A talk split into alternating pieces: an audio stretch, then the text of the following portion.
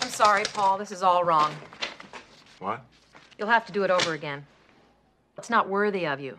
Throw it all out, except for that part of naming the gravedigger after me. You can leave that in. I really value your criticism, but maybe we're being a little hasty here. Paul, what you've written just isn't fair. Not fair. That's right. When I was growing up in Bakersfield, my favorite thing in all the world was to go to the movies on Saturday afternoons for the chapter plays. Cliffhangers. I know that, Mr. Man. They also call them serials. I'm not stupid, you know. Anyway, my favorite was Rocket Man. And once it was a no brakes chapter. And the bad guys stuck him in a car on a mountain road and knocked him out and welded the door shut and tore out the brakes and started him to his death. And he woke up and tried to steer and tried to get out, but the car went off a cliff before he could escape. And it crashed and burned, and I was so upset and excited. And the next week, you better believe I was first in line. And they always start with the end of the last week. And there was Rocket Man trying to get out. And here comes the cliff. And just before the car went off the cliff, he jumped free. And all the kids cheered. But I didn't cheer. I stood right up and started shouting, This isn't what happened last week! Have you all got amnesia? They just cheated us! This isn't fair! He didn't get out of the cock-a-doodie car!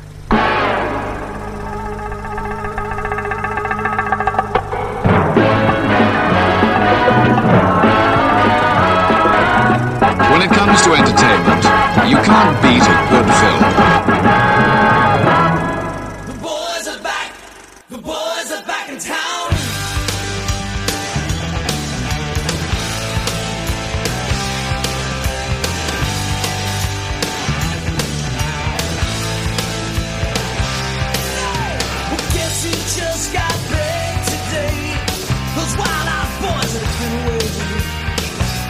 Changed, haven't much to say.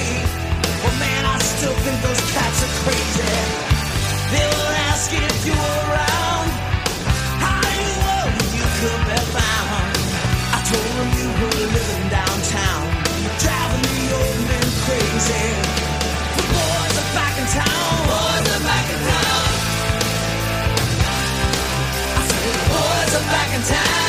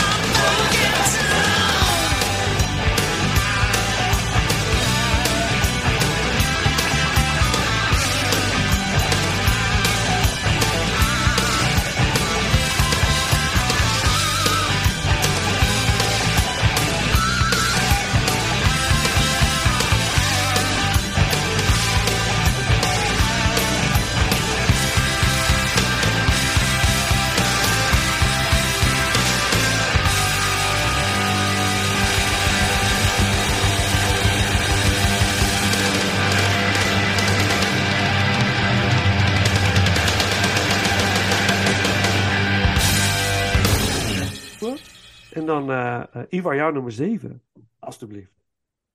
Alsjeblieft, dank u wel.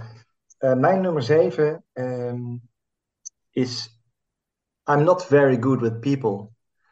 Dit gaat over een, ehm, een arts in een ziekenhuis die licht autistisch is en moet werken met mensen die in een, ja, wat is het, lock-in syndroom zitten.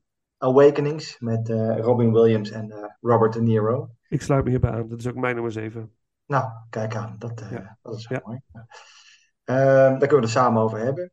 Ehm, Robin Williams is een beetje een mensschuw type. Eh, onderzoeker als arts. Eh, meer in het laboratorium en research werkt dan met mensen werken. Daar is hij niet zo van. Zoekt een baantje. Gaat op sollicitatie. gaat natuurlijk helemaal mis. Maar ze zitten zo omhoog eh, in dat ziekenhuis. Ze zeggen, eh, heb je echt nog nooit met mensen gewerkt? En hij, nee, nee, nee. En uiteindelijk zegt hij iets dat hij op school heeft gezeten. Ja, maar er zaten ook mensen op school. Ja, ja. Nou, dan is het goed. Je hebt de baan, zeg maar. Dat is Ja. wel een bijzonder verhaal. Ehm, en hij gaat dus werken met mensen die, eh, ja, als een soort, ja, niet als kastplantjes, want ze hebben wel een bepaalde verstilde houding zitten ze in, maar nul reactie. Het is echt een locked-in syndroom. Ehm, ik vond het heel erg, ergens heel erg creepy, omdat het me heel veel deed denken aan. eh, ik heb net The Last of Us gezien een paar maanden geleden, over, eh, over zombies en zo, die helemaal verstild zitten en ineens iets kunnen doen, hè, uit niks.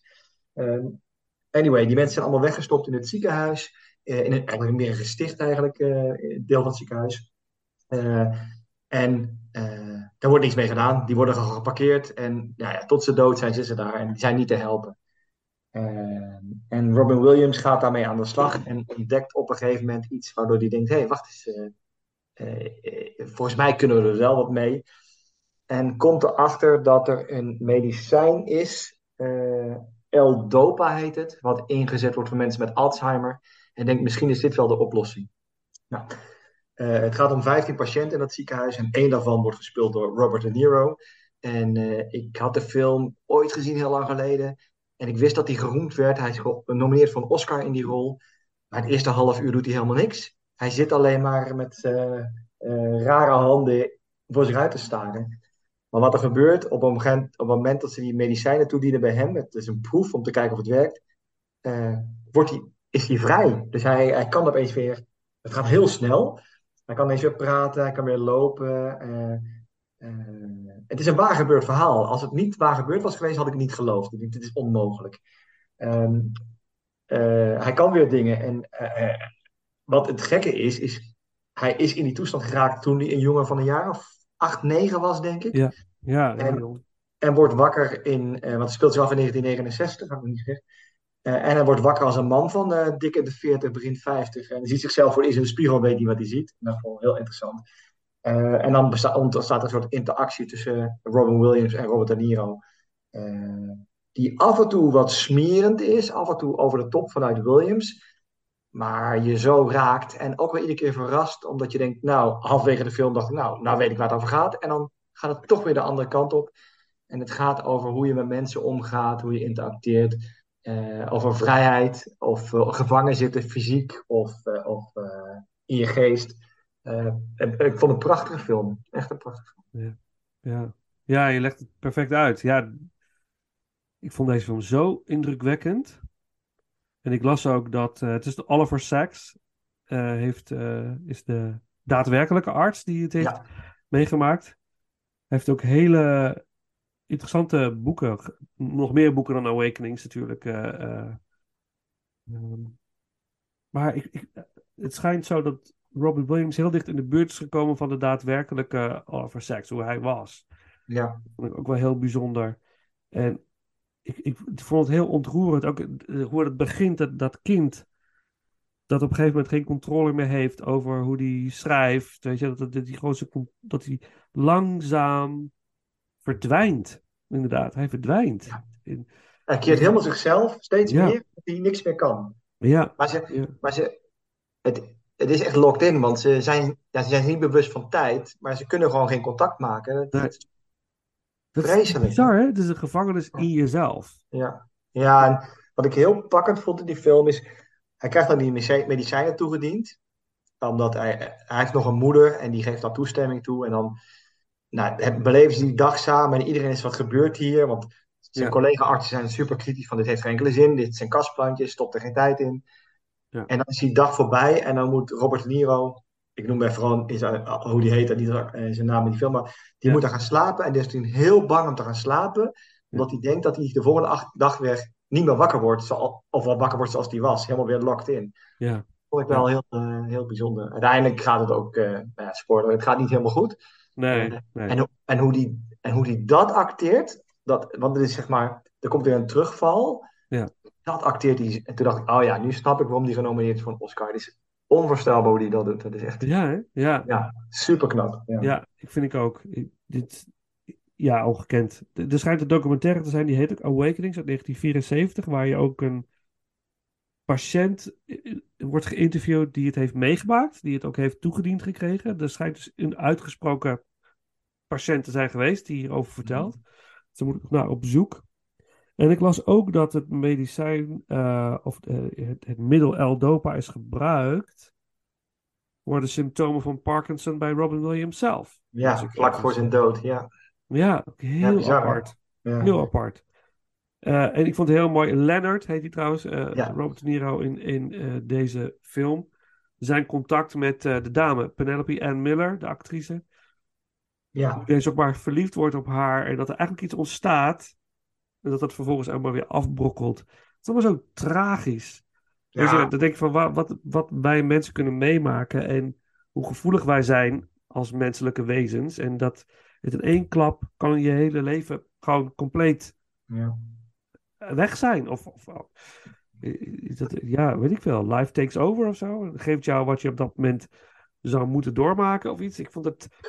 Al Ja, het vragen werden bij mij opgeroepen bij het zien van deze film. Onlangs. Wat is wel interessant wat je zegt, want eh, het is dus, het, voor mij is in de jaren twintig is dat allemaal gebeurd. Hè, met die mensen hebben allemaal dat gekregen. En dat was een gevolg van, van, een, eh, van een pandemie of een epidemie. Ja. Waardoor eh, je, je hersens aangetast werden en langzaam die symptomen toenamen tot je helemaal locked in was. Ja. En niemand had dat voorzien, zeg maar. Dus eh, de, de lange termijn effecten van zoiets zijn best wel voor bepaalde mensen heftig. Nou, eh, je trek je gelijk een relatie naar deze tijd, zeg maar, waar we Ja. in we twee jaar geleden allemaal nog in paniek waren en nu niemand meer over COVID heeft. Terwijl er nog heel veel mensen long COVID hebben en met al die symptomen zitten. Ik vind dat, eh, het is ook weer heel erg van deze tijd. En hadden we eerder over, je kan deze film ook nu kijken in deze tijd en het is nog steeds super actueel. Ja. Ja. Ja, heel bijzonder. Ja. Wauw, Awakenings. Paul, heb Ik jij heb- hem gezien? Ik heb, ik heb hem gezien inderdaad. Eh, hij, hij is voor mij afgevallen. Eh, eigenlijk, eigenlijk, eigenlijk voor het gedeelte wat, wat Ivan juist vertelt, het, het komt voor mij te dichtbij. En dat is voor mij een reden waarom ik, ja. waarom ik hem niet gekeken heb. Ehm, ja, goed, als je mij deze situatie een beetje kent, dan snap je het wel. Eh, maar dat, dat, dat, dus vandaar dat ik, dit is voor mij een film waarvan ik zeg van, ehm, absoluut een mooie film. Hij stond bij mij ook zeker op de lijst om, om in de top 10 te komen. Maar de gedachte dat ik deze film niet moest gaan kijken, eh, werd, ik, werd ik onrustig van, laat ik het zo zeggen. Ja, dat ik, eh, en ik had ook wel inderdaad wel een vermoeden dat die voorbij zou komen. Dus ik dacht van, nou goed, hij verdient wel om genoemd te worden. Dus dat zit wel goed op die manier. Ja. Dus, Mooi. Ja. Bij allebei op 7, dus dat is dan Allebei op 7, Awakenings. yes. Ehm, zullen we het nummer van de zombies doen? Time of the Season. Dat zit in, eh, in de film op een heel mooi moment, vind ik. Als Leonard voor het eerst, zeg maar, gewoon het leven ervaart wat hij eigenlijk lange tijd niet heeft kunnen ervaren. Dus dat eh, vind ik wel mooi. Eh, Time of the Season. En dan eh, jouw nummer 7, Paul.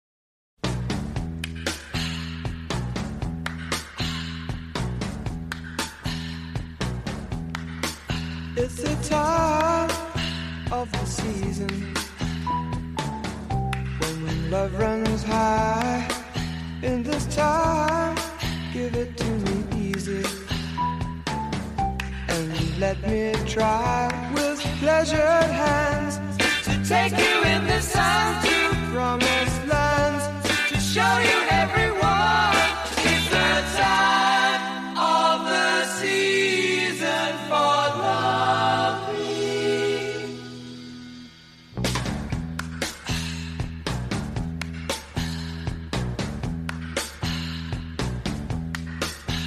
Your name?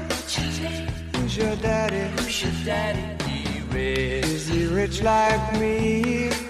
Has he take us anytime, anytime to show to show you what you need to live. Tell it to me slowly.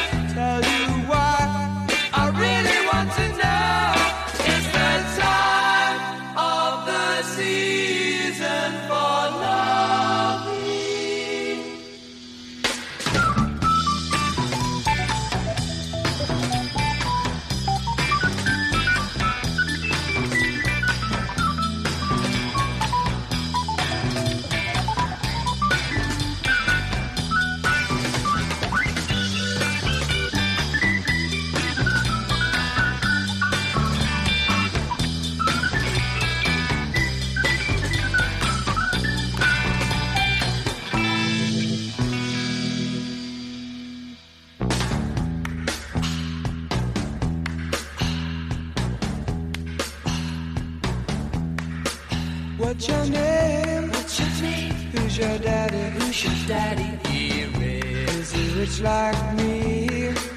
Has he taken? Has he taken any time? Any time to show show you what you need to live? Tell it to me slowly. Tell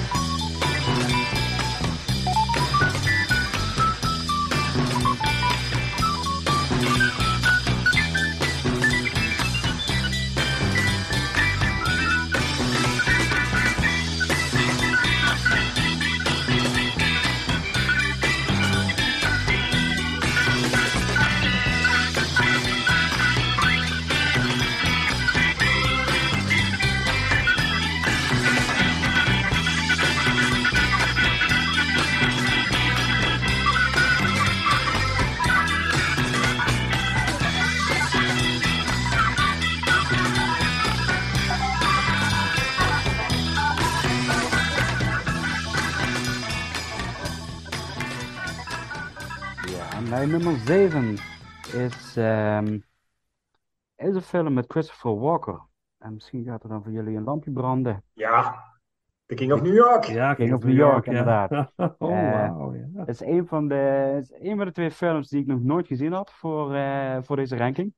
Eh, dus ik heb hem speciaal, of ik heb gelukkig de kans gekregen om te mogen aanschouwen als voorbereiding voor deze ranking. En eh, ja, prachtig. Dit is, man, wat, wat een, ja, ik, ik vind het echt een toffe film. Ik was echt eh blown away, met name door Christopher Walken en ook dat teerwerk. Hoe die man met, met eh, zoveel charme en charisma, maar ook eh, het het acteerwerk kan doen. En, en echt indruk, indruk op de kijker, maar ook op, op, op zijn omgeving maakt, zeg maar. Dat is fantastisch, vond ik. Eh, even kort eh, omschreven. Ja, goed. eh, Christopher Walken spreekt Frank White, speelt Frank White. Ehm, hij is eh, eh, ja, toch wel een, een, crimineel en geen kleintje. En in de film zien we in het begin ook dat hij wordt vrijgelaten uit de gevangenis. En hij heeft ook twee bodyguards, twee vrouwelijke bodyguards om zich heen lopen, die, die voor heel veel dienst eh, zich laten lenen, laat het zo maar even zeggen. Ehm, en ehm, hij heeft heel veel respect ook bij, bij de gekleurde gemeenschap. En ehm, eh, wil goede dingen doen voor de buurt. En doet het eigenlijk op een, op een ja, niet-wettelijke manier, om zo te zeggen. Hij, wil, hij, echt, hij heeft echt wel serieuze, eh goede maatschappelijke plannen, om zo te zeggen, om, om de wijk beter te maken waar hij ehm, in de South Bronx, waar hij eh, zich eh, bevindt. Maar hij doet het wel op een harde manier en ook op, op, ja, gewoon als gangster zijnde. En eh, de tagline is ook van: Not everyone who runs a city is elected. Eh, dus hij neemt gewoon het rijk in eigen handen. En ehm, ja, dat levert echt een aantal fascinerende, maar eh, snoeiharde scènes op. En waar ik, waar, ik, waar ik echt met genot heb naar zitten kijken. En ook Dave Caruso speelt er mee. Als mensen ooit hebben gevraagd van waarom heeft die man ooit de hoofdrol gekregen of de leading part van CSI Miami, dit, kijk vooral zijn jongere werk, zijn, zijn beginwerk. Dat, die, die man kon echt wel acteren. Hè. Is, alleen, hij, is volgens mij gewoon, hij heeft gewoon verkeerde keuzes gemaakt, denk ik. Een hele jonge Lawrence Fishburne, sp- sp- eh, Lawrence Fishburne speelt mee. Wesley Snipes speelt mee. Eh, eigenlijk enorm veel bekende gezichten. Ja, eigenlijk een beetje eigenlijk een klassieke gangsterfilm, maar eigenlijk wel een die, die boven, de, boven de, de norm zit, zeg maar. Die eigenlijk wel eh, meer ervan weet te maken dan we alleen maar kennen, zeg maar. Ja. Nou, ik, ik ben nog iets enthousiaster over deze film dan jij bent. Ja, gelukkig. Dus hij komt nog, hij komt nog weer terug straks, denk Oh. ik. Helemaal top. Gelukkig. Mooi. Nou, bij mij niet. Dus dat is. eh, Maar ik vind hem ook fantastisch. Hij het is geweldig. Het is, Ja.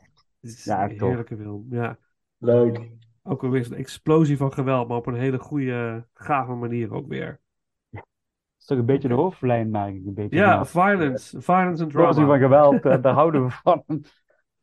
I love it. Oké, dan eh, eh, de track Am I Black Enough For You door Schoolie D. Ah, Ja. Die, eh, die gaan we doen. Eh, ja, ik ben heel benieuwd naar jouw eh, visie, Ivar, dan zo dadelijk. Dus dat is, eh, maar hij komt nog voorbij. Dus dan gaan we naar de nummer 6. Ivar, ja.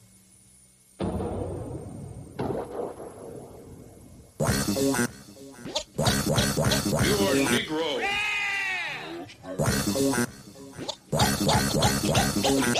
You are Negro.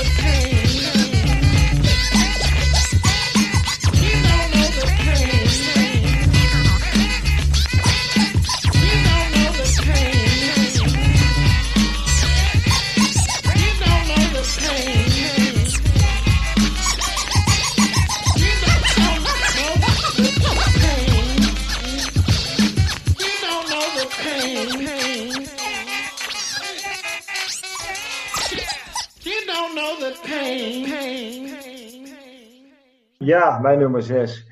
Ja, ik heb altijd. het moet geen running gag worden, maar je weet van eh, sequels ben ik geen groot fan. Eh, er zijn ook heel hoop afgevallen. En toch is er eentje in mijn top 10 terechtgekomen. Wauw.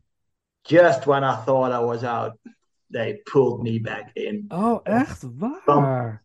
Fantastisch eh, nagedaan door Steven Van Zandt in The Sopranos een keertje. Ja. The Godfather Part 3. Eh, door velen verguisd eh, eh, als het deel wat niet nodig was. Daar ben ik het niet mee eens. Eh 1 en 2 waren briljant, maar 3 is echt, echt nog wel een goede film. Het gaat over ehm, eh, Don Corleone, de Al Pacino, die eigenlijk ehm, zijn bedrijf, zijn familie, zijn, waar het om gaat, het familiebedrijf wil legaliseren. Hij wil uit de, criminele, uit de criminele wereld, uit de onderwereld stappen. Hij probeert op allerlei manieren om dat bedrijf legaal te maken. Het is een beetje schimmig werkt hij ook met het Vaticaan in financiering en zo. Maar dan zie je, hij ziet er ook uit als een oude man. Hij wordt aan alle kanten ingehaald door de jonge generatie, die er heel andere plannen mee hebben en die hem eigenlijk helemaal niet meer eh, erbij willen hebben. Hij is de koning die van zijn troon gestoten wordt voordat hij zelf terug kan treden. Ehm, ja, of, Al Pacino speelt natuurlijk de hoofdrol. Heel grappig is, hij staat er bijna niet in gezeten. Ehm, want hij vroeg vrij veel geld aan Coppola om het derde deel te maken. Maar liefst 7 miljoen dollar voor de hoofdrol. En dan ook nog wel een deel van de eh, omzet. Eh, en toen heeft Coppola gezegd: nee, je krijgt 5 miljoen. En toen zei Pacino: nee, ik wil 7 miljoen. En toen zei Coppola: oké, dan schrijf ik je uit het script. Want dan ga je in de eerste scène dood en dan begraven je. En toen werd het dus toch 5 miljoen. En, dat, en dat zijn bedragen waar je nu niks meer bij voor kan stellen dat je voor 5 miljoen zo'n film maakt. Eh, ook zat daarin Andy Garcia. En die, toen, daar, toen ik die in die film zag, dacht ik: wow, dit wordt de man voor de komende jaren. En wat Paul net zei over eh, David eh, Caruso, is ook met Andy Garcia heeft toch wel niet de juiste keus gemaakt. In Oceans 11, 12, 13 nog wel oké, maar ook wel veel films net niet. En dat is wel jammer. Eh, hij, een fantastische scène zit hierin, waarin hij afrekent met eh, Joey Zaza. Dat hij op een eh, politiepaard achter hem aan gaat en hem neerschiet en zegt Joey. En dan schiet hij een paar keer Zaza. Ja, dat is fantastisch. En Al Pacino op zijn best, smerend op de trappen als zijn dochter wordt neergeschoten. Dat is, gaat om merg en been. Spoiler. Ja, maar dat doen we in deze, Oh, dat weten we. Ja, ja. Als je de Godfather nog niet gezien hebt, dan vraag ik me af waarom je deze podcast luistert. Want die moet je. Ah, ja, ja, toch? Ja. Ja. Ehm, nee, ik vond het ehm, eh, echt, echt nog wel een goede toevoeging. Het maakte het hele verhaal wel compleet. En het ook de, de, de neergang, de teleurgang van zo'n maffiabaas. En de nieuwe garde, de jonge garde die hem voorbij streefde. Met heel andere ideeën ook weer. Ik vond het echt wel mooi. Dus, eh, en eh, een belangrijke rol voor eh Sofia. Hè? Sofia Coppola, de dochter van, die later ook eh, ging Ja. regisseren. Dus, Ja. Ja. Kan ze beter, beter regisseren dan acteren, vind ik zelf. ja, Lost in Translation bedoel je zeker ook. Ja, ja, het is prachtig. Ja. Oh. Met andere Ehm, woorden, andere werk vind je niet zo goed van haar? Ik? Ja? Of- Nee, maar het is de eerste die in me opkomt als ik aan haar denk. Ah, oké, oké. Ja, ja. Geweldige film. Het is ook heel mooi in The Godfather 3. Wij hebben het natuurlijk uitgebreid over gehad in onze Godfather ranking natuurlijk. Ehm, dat, dat moment dat hij eh, in gesprek is met de, wat is het, een bisschop? Of wat is, wat is het, een kardinaal? Dat in die tuinen, aan- dat hij breekt, dat hij zijn broer heeft eh, Ja, ook omzet. Dat vind ik ook zo heel, ik vind het zo mooi wat er, die ontwikkeling die hij doormaakt in deze film. Fredo, it was you all that Ja, time. Ja, Ja. geweldig. Mooie film, mooie film. Ja, toch wel, hè? Ja. Ja, ja, zeker, zeker. Maar wat cool hij erin staat ook. Dat- ik had ook weer niet verwacht dat hij voorbij zou komen. Nou, leuk. Want er is zoveel moois in dit jaar. Maar goed, Godfather 3, Part 3. Godfather Part 3. Main title. Gewoon het Godfather theme natuurlijk. Eh, gewoon omdat het kan. En dan jouw nummer 6, Paul.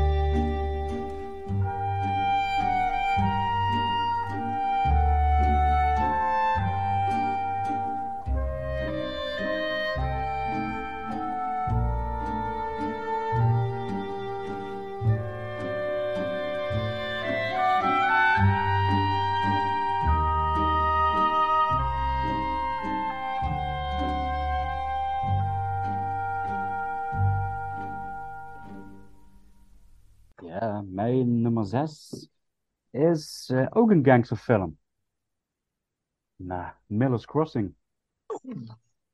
Coen Brothers. Van de, De ko- Coen ja, Brothers. eentje van de twee, hè? Ja, Ja, oh ja, eh, ja.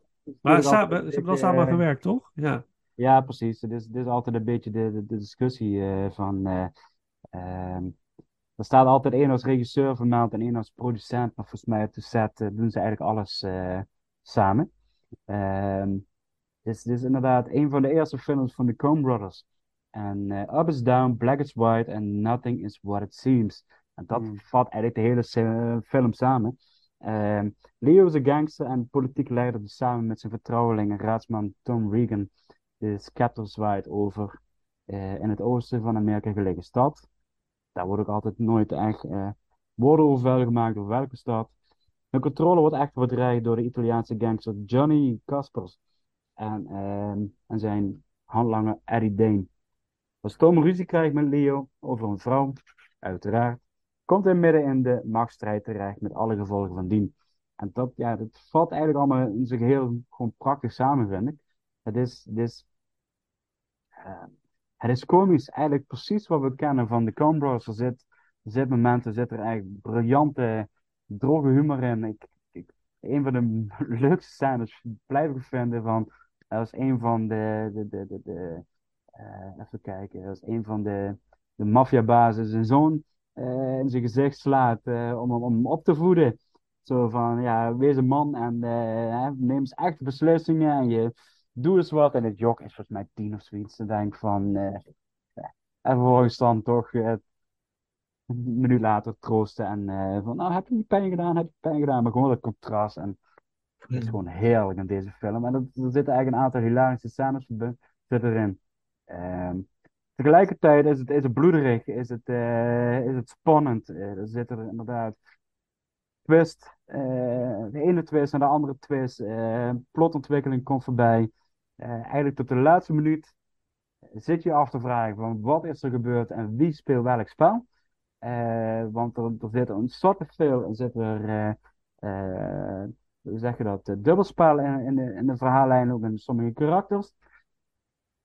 En sommige denk ik ook, het is gewoon louter toeval. Eh, Je bluff je gewoon doorheen. Dat is vooral eh, iets wat, wat het karakter van Gabriel Byrne vooral doet. Hij, hij is eigenlijk gewoon iedere mens die gaat uitspelen. En vooral om zichzelf beter te maken. En toch wel enigszins met de hoop dat hij met de er vandoor gaat. Want dat is eigenlijk de, de, de, de- ja, de, grootste catch van het hele verhaal, zeg maar. Dit was de tweede film die ik nog nooit gezien had. Ah. Eh, dus, en en ik, ik heb hem ook eigenlijk, ik heb passages teruggespoeld en opnieuw gekeken. En eh, toen ik hem klaar was, had ik eigenlijk zin om hem nog eens te kijken. En dat vond ik eigenlijk wel een hele leuke eh, constatering. Maar gewoon omdat, wat ik zei, van, er gebeurt zoveel in de films en uiteindelijk komt het dan in de laatste minuut, valt alles op zijn plek. En dan wil ik eigenlijk nog eens kijken van, oh ja, maar dat, dat is eigenlijk wat, wat jullie bedoelen. Dus er zit heel veel eh, is over nagedacht. Ook heel leuk om sommige gezichten voorbij te komen. Ook gezichten die vele malen vaker eh, met, met de, de Coen hebben samengewerkt. Eh, daar is een begon, ja, toch begonnen. John Turturro komt er voorbij. Dus ik ben even de vrouw van Joe Coen kwijt. Die ook later Ja. schreef. Ja, ja, ja. Ik ga dat opzoeken. Francis McDormand. Ja. Dat is eh, Fargo uiteraard. Eh, Ah ja. eh, Steve Buscemi komt voorbij. Dat- echt, heel veel bekende gezichten die, eh, die, die, de Coen Brothers altijd wel in hun repertoire hebben, komen voorbij. Ja, is het Marcy Gay Harden? Die speelt de, de vrouw, Verna. Dat is de vrouw die, eh, waar het om gaat. Eh Ja. ik wel. Ik, ik had nooit eh, eh, achter haar uitgaan, laat ik het zo zeggen. Ik ken haar vooral van de oudere jaren en ook van het serieuzere acteerwerk. Ja. Eh, en soms eh, krijg je op die manier wel af en toe een verrassing eh, op je bord Ja. te zien, zeg maar. Dus ehm, ja, het hele fijne vinden. Ik snap ook wel dat die, dat die door veel mensen wordt gewaardeerd en geroemd, zeg maar. Gave scène met Albert Finney als hij helemaal losgaat met zijn uh, interieur. En dat, uh, dat... Prachtig. Als Cool. als je, met, als je met het ge, ja, als, als de, de woningen in de brand Ja, ja, staat, hè, ja, ja. ja, Ja. nou, ik, ik, weet je, we hebben het zojuist over John Woo gehad. Maar ik vraag me echt af hoeveel kogels dit, eh, dit, dit geweer heeft gehad, want hij Ja. blijft maar schieten. Hij blijft schieten, ja. Hij blijft schieten en weet uiteindelijk ook gewoon het, het doel te raken, zeg maar. Ja. Maar dat, Ja. dat, eh, dat is echt dit een- is- Dit is dan zo, dit vind ik zo leuk van zo'n ranking van een jaar, omdat het zo uiteenloopt. Ik weet nog Ja. dat ik, want toen ik in de videotheek werkte, kwamen heel vaak mensen binnen. Heb je nog een aanrader? Dat vond ik zo erg. Van ja, moet je nou mensen aanraden? Maar ik deed het zelf natuurlijk ook. Heb je nog een aanrader? En zo is mij ooit deze film aangeraden. En ik kwam er niet doorheen. Ik vond het echt niet te doen. Wat een saaie film. Maar ja, nu ben ik natuurlijk een stuk volwassener en slimmer en meer ontwikkeld, zou je denken. Dus ik ben hem weer gaan kijken. Ik had na een kwartier hetzelfde. Ik heb er niet af kunnen kijken. Nee, oh, typisch. Ja, Ik Paul erover hoorde, denk ik, ja, maar ik moet het toch echt wel. Maar ik vond het niet te doen. Grappig. Daar Ja. moet ik wel natuurlijk erbij zeggen, het was voor mij echt de allereerste kijkbeurt. Dus ik ging er blank in en natuurlijk ook ja, de Coen Brothers, om even zo te zeggen. Ik kan me natuurlijk wel voorstellen als je die mindset hebt, ja, ik vond het toen helemaal niks. En ik ga het nu een kans geven dat ik natuurlijk op die manier wel een beetje voorbeoordeeld bent. Eh, Ja, misschien wel, ja. Waardoor, Ja. het- waardoor je eigenlijk een beetje met een achterstand begint. Terwijl ik ging zitten, ja, ik denk, ja, laat me maar eens verrassen. Geweldig, kom maar op jongens, Eh, hier heb ik zin in. Ik had, er ook echt, ik had er ook echt zin in, dat ik dacht van, toen ik het lijst, denk, oh, ik mag deze eindelijk gaan kijken. Want hij stond al jaren op mijn lijstje, want ik denk van, echt zo'n, zo'n van, hè, nog nooit gezien. Zeg Ja. maar, eh, dat, dat- ja, heerlijk. En hij is Ja, cool. niet tegengevallen. Dat is natuurlijk het mooie ervan. ja, Ivar, je moet gewoon de volgende keer proberen 30 minuten te kijken. Kijken hoe het dan is. Dan moet ik wel zeggen, ik moest zoveel films weer voor deze podcast kijken. Dat je wel, ja. als, je na, als je na een kwartier nog niet geboeid bent, dan denk ik, oké, is, eh, dat is niet goed genoeg voor de top 10. Voor mij. Terwijl Oké. de Coen Brothers prachtige films gemaakt hebben. Nou, is het dan. Zeker. Zeker. Oké, uit Miller's Crossing dan. Eh, Carter Burwell score, de end credits, waar alle thema's bij elkaar komen. Ik vond het ook een bijzonder, eh, bijzonder goede film. Gabriel Byrne vind ik ook zo'n beetje underrated acteur die echt, echt waanzinnig goed is eigenlijk. Dus eh,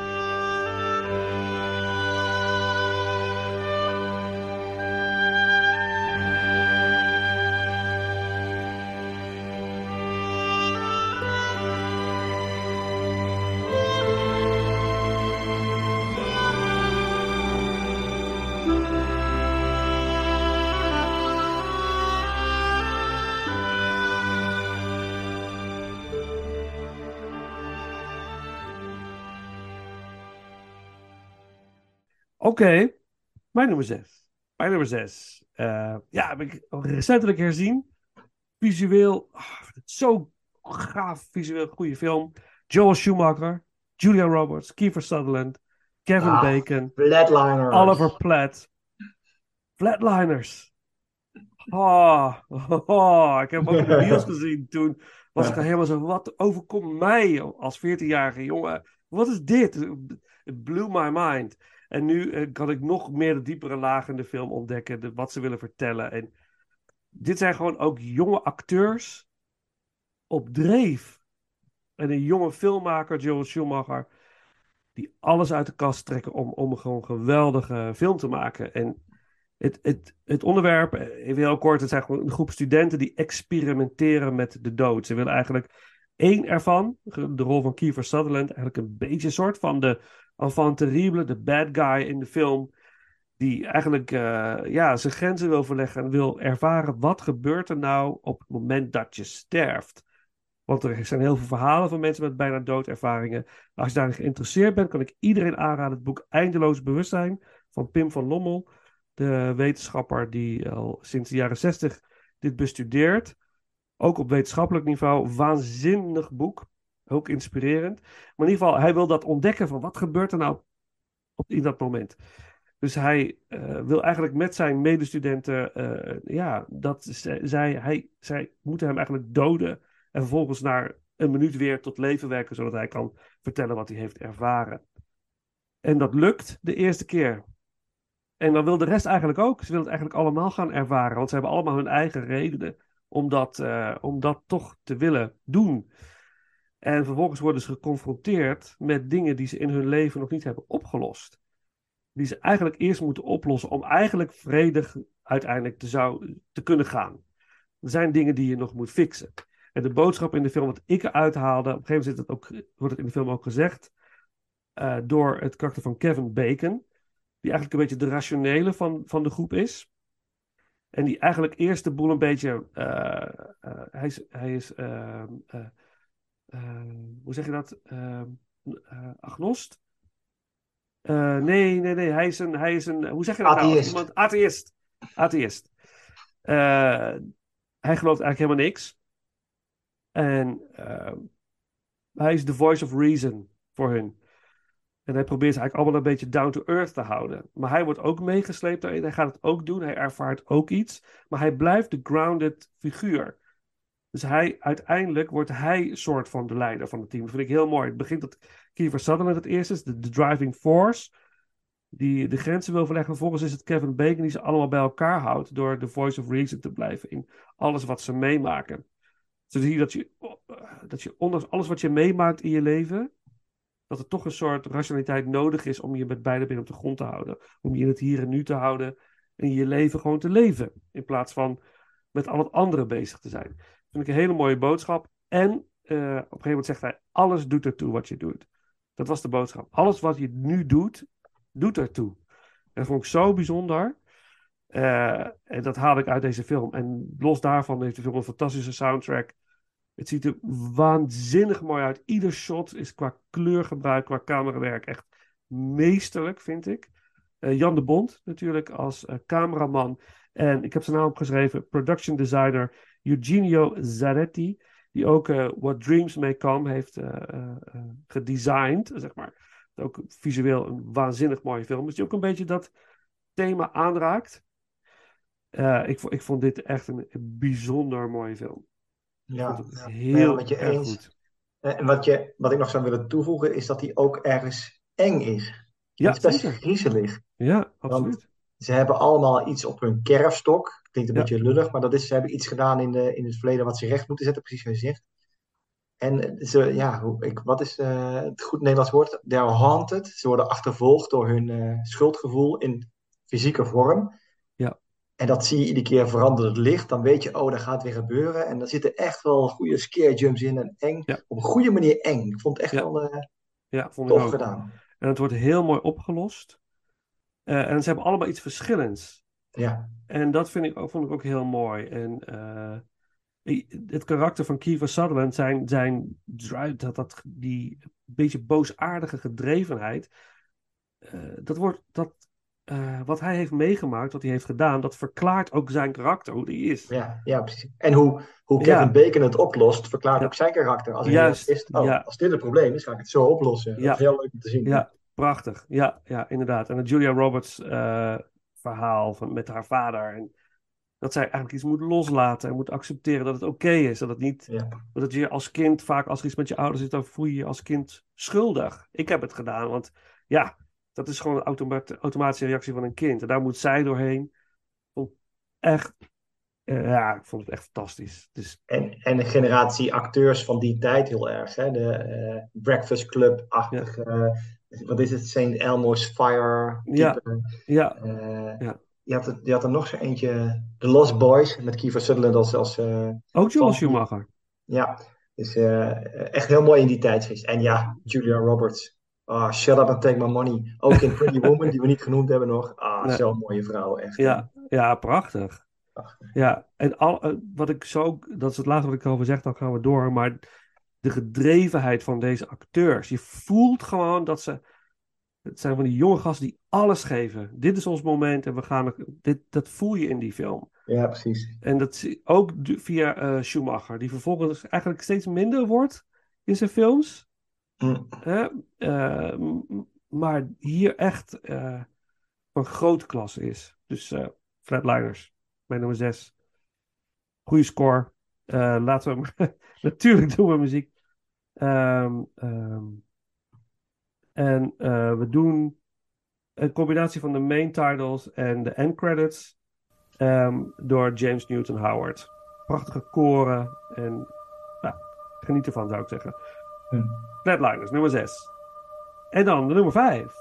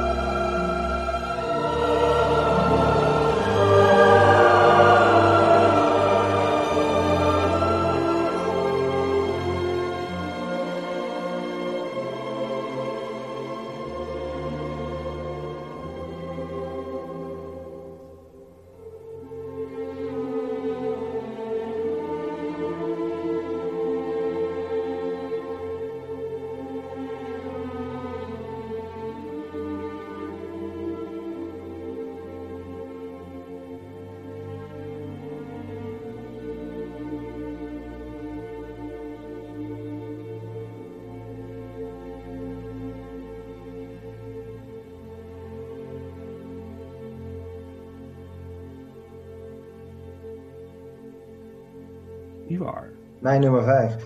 Ja, we hadden net over eh, Miller's Crossing. Dat ik bevooroordeeld daarin ging en denk, hm, dat wordt het niet. Dat was met deze film ook. En dat werd hem wonderlijk genoeg wel. Oh, oké. My place is with you, I go where you go. Dat zegt Stands with a Fist. Tatanka, The Dances with Wolves. Hmm. Het epos van ehm, Kevin Costner. Zeven Oscars gewonnen. De film van het jaar. Eh, Ik kon me nog vaag herinneren dat ik het eigenlijk maar een beetje een slappe film vond. Maar ja, net als wijn rijp je, word je ouder, verstandiger en ga je er anders naar kijken. Ik heb hem opnieuw bekeken. Het is drie uur is die. Eh, ik vond hem prachtig. Ik vond hem echt prachtig, omdat hij eigenlijk een heel mooi verhaal vertelt. Zeven Oscars. Voor mij hebben we het er eerder keer wel over gehad. Over dat, wat is een Oscar waard? Ik vind wel dat bij de Oscars hebben ze vaak de neiging om eh, een soort goedmaak oeuvre Oscar erin te gooien. Eh, dat hebben we toen gezien bij, eh, nou ja, vorig jaar nog met eh, Everything Everywhere and All at Once voor de Aziatische cinema. We hebben het eerder gezien met Denzel Washington en eh Halle Berry.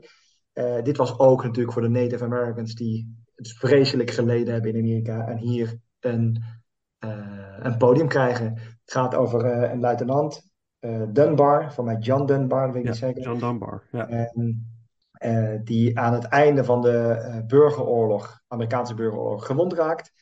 Eh, hij belandt op een, zo'n, hele vieze tafel in een veldhospitaal, waar ze zijn been gaan afzetten, want hij was gewond geraakt.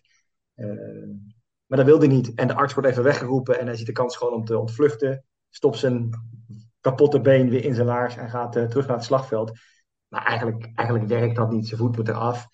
Zij heeft alleen maar pijn. En op een gegeven moment komen ze in een slagveld, een soort wat tegenwoordig een loopgravenoorlog zou zijn. Twee teams tegenover elkaar, hè, dus eh, het zuidelijke en noordelijke.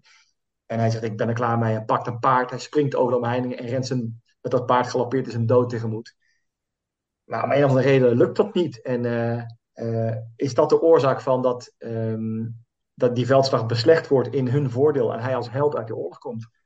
En dan mag hij kiezen waar zijn volgende post wordt. En dan kiest hij om de meest afgelegen, veruit geschoven post te pakken in het Wilde Westen. Eh, en komt hij helemaal moederziel alleen te zitten in een hutje eh, aan de rand van eh, ja, wat nog onontgonnen gebied is in die tijd. En Native Americans wonen, Indianen.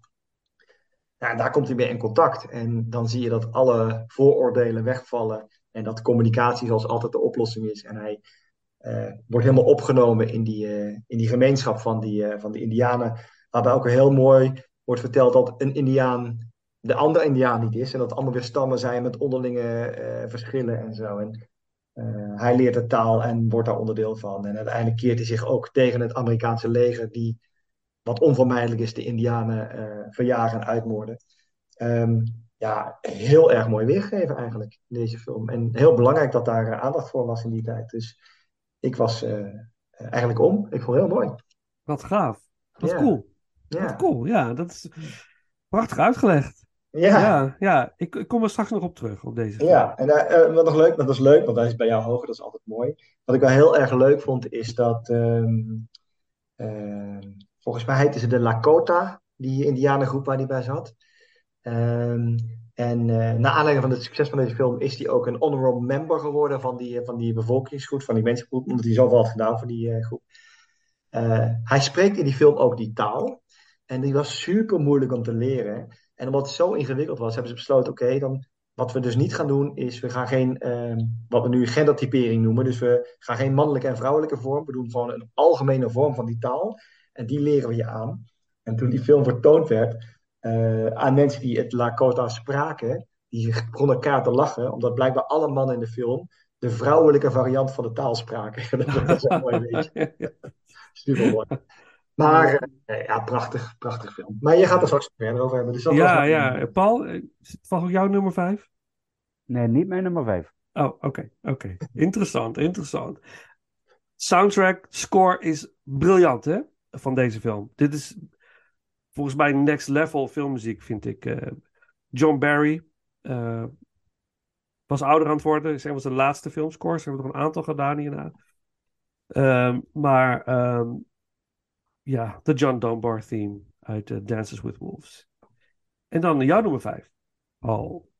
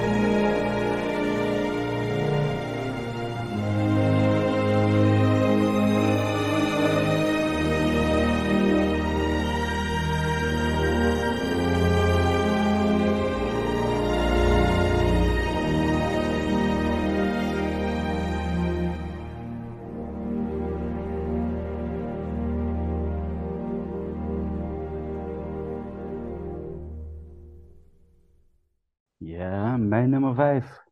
We gaan eigenlijk van de. Nou, nee, nee, dat kan ik niet zo zeggen. Maar ik wil zeggen, we gaan van de warme western. Maar er komen ook sneeuwscènes in voor. En eh, gaan wij naar de sneeuw toe. Oh jee, daar is die. Daar is die. Denk ik dan. Eh, Misery. Ja, ja, natuurlijk. Ja, ja, ja, ja. De, de, film eh, gebaseerd op het boek van Stephen King. Ja. En ik heb hem afgelopen weekend nog gekeken.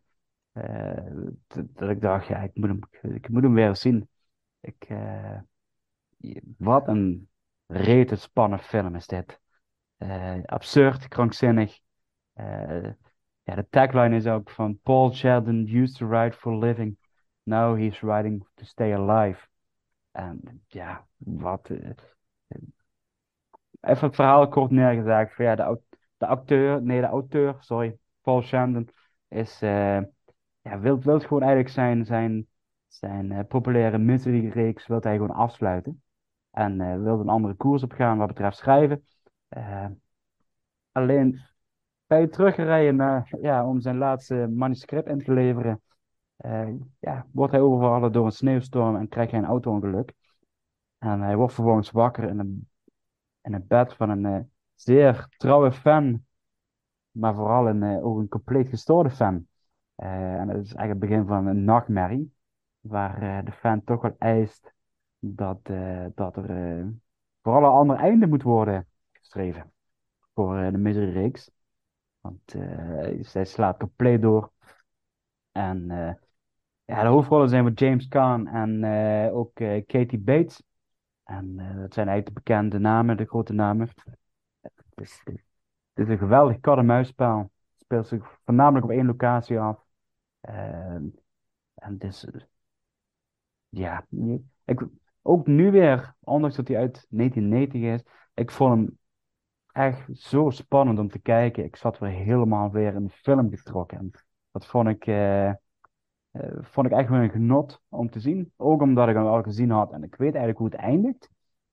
Werd ik toch weer erin getrokken. En, ehm, en daar heb ik het ook al eens vaak met Vincent over gehad. Van ja, als je dan kijkt naar de huidige thrillers en de films waar je, waar je toch vaak niet de spanningsboog bij kan houden. Of dat ze me gewoon niet boeien of wat dan ook. Dan denk ik, ja, ik, ik zou bijna zo'n film wil ik weer zien. Dat je echt gewoon eh, helemaal eh, wordt, wordt, als kijker wordt gegrepen en dat je eigenlijk denkt van, wat is dit? Ja, en eh, daar heb ik het niet over, heet die film, wat Nederlandse film, wat nou, die thriller wat nu draait van Nicky French. Oh, geheugenspel. Ja, geheugenspel. Oh. Nou, Nou, daar ga ik niet over uitleggen. Ik, heb, ik ben naar de première geweest. Dat was een lange zit. Ja, wat erg. Nou ja, ik heb hem ook in de bioscoop gezien, maar om andere redenen. Maar, eh, oh, je- maar goed, in elk geval, dit, dit wil je zien. Dat, Ja. eh, dat had ik echt niet verwacht dat het geheugenspel misery ging worden. Ja, het ging meer misère worden, maar dat is een ander verhaal. Maar misery, ja, ik vind het eigenlijk een geweldige thriller. En dan denk ik van, dit is horror op ander niveau, maar gewoon echt psychologisch niveau. eh, niveau. En dan vooral de scène dat zijn benen worden rechtgezet, laten we het zo maar even zeggen. Ja, Dat hij geholpen wordt. Man, heel man, man. behulpzaam is Heel hij. behulpzaam. En ik, Ja. ja, ja goed. eh ja, ben je wel een echte fan, moet ik zeggen, als je, als je dat doet. Dat eh, gaat heel ver. Ja, ze heeft alles voor hem over. In huis. Ja, echt te gek. Ik heb hem, eh, ik heb bijna hetzelfde gerankt als jou, eh, Paul. Hij staat bij mij op 4, dus dan kun je dat gelijk zo afstrepen. Ja, Eh, wat, wat, wat nou wel- ik vond echt ook een fantastische film. En dat ze ook haar varken, haar huisvarken Misery heeft genoemd, dat vind ik heel erg Ja, mooi. ja, ja. Het, het varken, ja, sorry. Maar Ja. wat het grappige is, dat eigenlijk zou de rol gespeeld worden door eh, Jack Nicholson, de rol van, eh, van Paul. Ehm, maar Jack Nicholson wilde dat niet, omdat hij, eh, hij had ook al in The Shining gespeeld. Een, eh, een, verta- een eh, verfilming van Stephen King. En hij was bang voor typecasting. Maar wat er grappig is, is dat ehm eh, Kaan had eerder eh, de rol van One Flew Over the Cuckoo's Nest afgewezen. Die Jack Nicholson weer heeft gepakt. Die daar een Oscar voor heeft gewonnen. Dus eh, bijzondere keuzes gemaakt. En eh, wat ik ook mooi vond, is, er is een, je, is een ongelofelijke lijst van acteurs die voor de hoofdrol gevraagd waren, die afgezegd hebben. Die zeggen, ik wil dit niet. Uiteindelijk is het een super succesvolle film geweest. En Wel- welke acteurs bijvoorbeeld? nou ik, ja, ik, ik hoop wel dat je het ging vragen. ja, Let op, je weet niet wat je hoort. Dus naast Jack Nicholson Mhm. hebben de rol afgewezen Robert De Niro, Michael Douglas, Mel Gibson, Gene Hackman, Harrison Ford, Morgan Freeman, Al Pacino, Robert Redford, Denzel Washington, Bruce Willis, Richard Dreyfuss, Dustin Hoffman, William Hurt, maar liefst twee keer, hij is twee keer gevraagd, twee keer nee gezegd, Kevin Kline en Warren Beatty. Zo, ik heb nog nooit zo'n lange lijst van acteurs Wauw. gelezen hebben. En toen werd het dus. Kline. Wauw. Ja, wauw, Ja. precies. Ja, indrukwekkende lijst, hè. Jeetje, Mina. Maar het zijn allemaal mensen die zeggen, nee, dit ga ik niet doen. Toch bizar. Ja. Terwijl volgens mij het was een vrij succesvol boek ook van, eh, van King al, Misery. Ja, Dus het, eh, het is ook, ook zo'n verhaal wat alleen King kan schrijven bijna. ja. Ja, ik ben er wel nieuwsgierig van wat dan de reden is geweest waarom ze het niet zouden willen doen. ja dat eh, kan ik je niet bij allemaal eh, noemen, zeg Nee, maar. nee, maar ik zit dan gewoon zo te of ja, zo in mijn hoofd te filosoferen. Ik denk van, de sommigen snap ik het wel. Het, het is wel heel erg uit de richting. William Hurt, wat je zegt, twee keer afgewezen. Dan denk ik van, nou, dat vind ik helemaal geen slechte keus. Nee, Zo, zo de eerste gedachte, laat ik dan even zo zeggen. ja. Het is dan toch van, ja, goed, je bent eh, eh, ja, het spel tussen man en vrouw en alles wat erbij komt kijken. Dat, dat je op bed ligt, eh, dat je, dat je beperkte acteermogelijkheden voelt. Zo, zo zit ik gewoon even te denken van, Ja. wat zou dan... eh, Nou ja, het zijn natuurlijk wel allemaal veel gevraagde acteurs. Dus het kan best dat ze in andere producties gaan. Dan als je naar 1990. Dan hebben we Al Pacino zat al in The Godfather. Dus die zal dat niet gedaan hebben. Ja. En De Niro zat in Awakenings. En, eh, en in Goodfellas denk ik zat hij ook. Weet je, mhm. die gasten hadden allemaal druk. Dus die hebben keuzes gemaakt. Ja. Maar eh, kijk, ik vind het altijd wel interessant om te weten. En dan ga ik proberen te visualiseren hoe zou dat uitgezien hebben met die acteur. Maar Ja. ehm, Ja, ehm, ik vind wel dat eh Kathy Bates is wel echt heel goed in deze film hoor. Ja, Ja. Oh, wat is zij? eh, Dat is eigenlijk een soort Sharon Stone, hè? Van heel lief naar heel gemeen. Supermooi. Ongekend. Ja. Maar ze heeft, ze heeft een Oscar gewonnen, toch, voor deze rol, hè?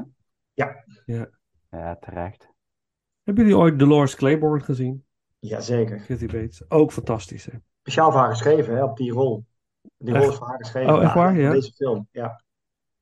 Echt eh, geweldig. Boek is ook Weet- erg sterk. Weet ik niet zeker. Ik, iets staat me bij dat ik hem wel gezien heb, maar dat is... Er gaat me geen lampje branden van, oh ja, dat. Eh, Ja. Maar het staat wel op mijn lijstje van, mocht je ooit eens een keer ergens op een streamingdienst voorbij komen of zo, of iets dan is het Ja. wel een film waarvan ik denk van, ja, daar wil ik hem kijken. Ja, Ja. moet je echt doen. Nee, eh, King, King was zo onder de indruk van hoe zij eh, dat, eh, die rol invulde in deze film. Dat hij eh, naast Dolores Claiborne ook nog The Stand heeft geschreven met haar in gedachten. Daar speelt ze ook in. Dus, wel tof. Dat, Ja. maar cool. Gaaf. Misery. Misery. Maar ja, Jouw dat nummer vier. nummer vijf. En mijn Jouw nummer vier. Jouw nummer vijf. Oké. Number one fan. De track. Door Mark Simon. Eh, uit Misery. En dan mijn nummer vijf. Ja. Ja. Dan eh, ja, lopen we weer gelijk.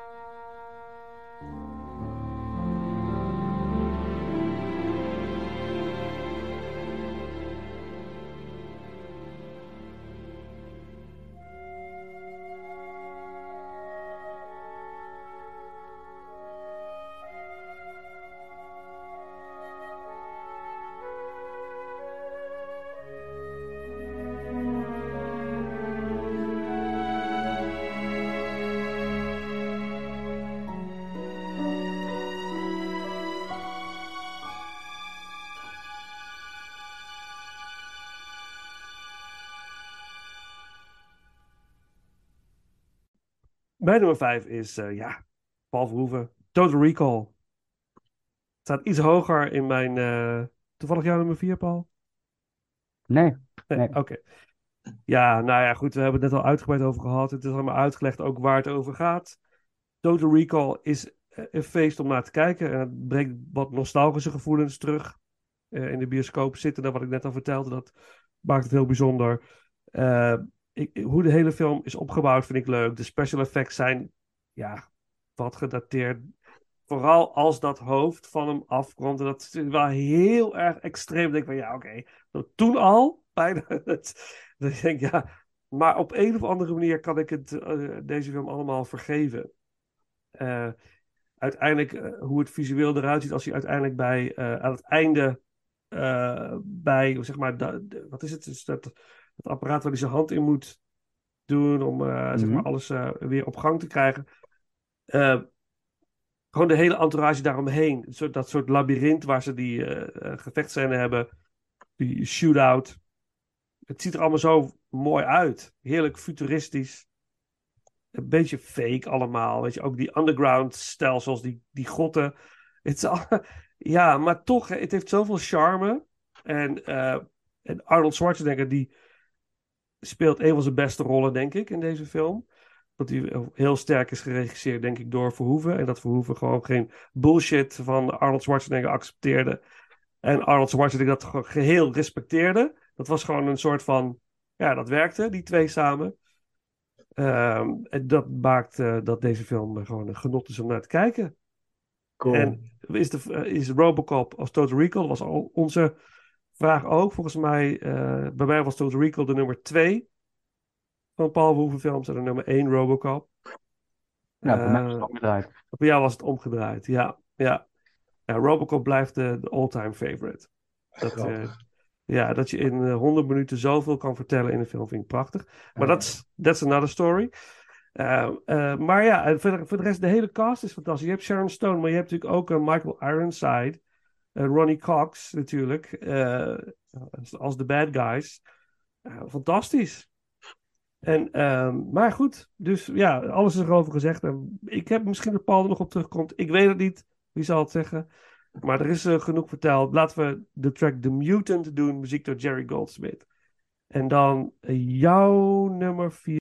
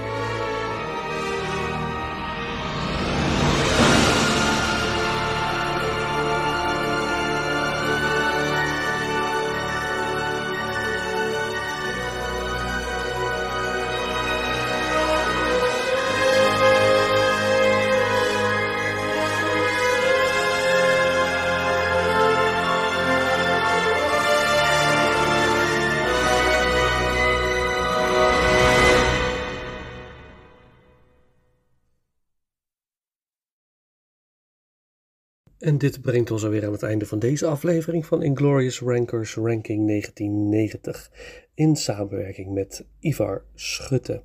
Natuurlijk zijn we ook benieuwd naar jouw 1990 ranking. Als je wil, deel het met ons via de bekende social media kanalen. We begonnen de aflevering met een eh, fragment uit Misery. En na de intro hoorden jullie The Boys Are Back in Town door Bon Jovi. Ehm, en gebruikt in de film Navy Seals. En we gaan deze aflevering afsluiten met eh, de track Party Town door Dave Stewart. En deze wordt gebruikt in de film Flatliners. Nou, beste mensen, daar rest mij niks anders dan te zeggen. Bedankt voor het luisteren en tot de volgende ronde.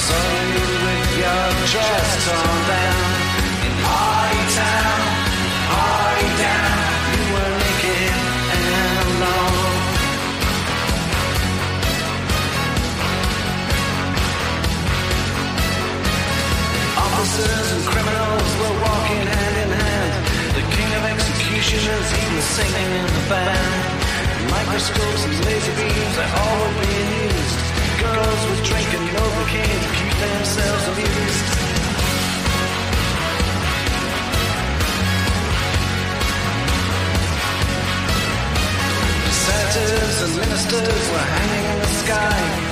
People paying in advance to watch the scene go by. Magazines were quoting all the things that had been said, making fun of money on the fact that she was dead. Party girl, party girl, I saw you